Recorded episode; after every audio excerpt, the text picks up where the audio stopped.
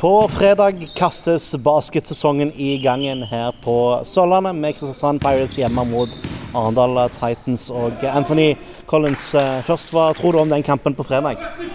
I think it's going to be fun to get back into the swing of things. Uh, we are having we have high expectations to do well in this season in Region South. So um, Arendal is going to be a young team, and we're looking forward to see what they have for this season. Du fortalte meg før vi startet opptaket at i år så gjør dere noe ekstra spesielt. Dere sender lag til Danmark. Yeah, we're sending actually uh, four teams to Denmark. We're sending uh, our men's team to play in the uh, second division in Denmark. We're sending a U17 team to play in Denmark in the U17 series.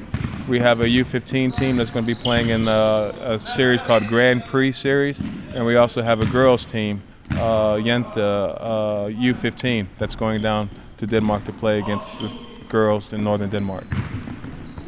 Og dette vil dere tro kan gjøre dere enda bedre?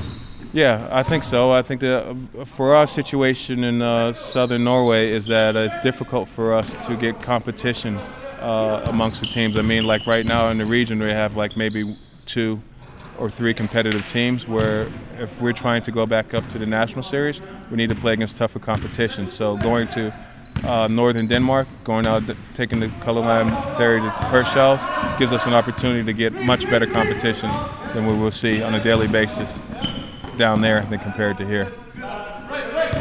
Så dere skal tilbake til BLNO?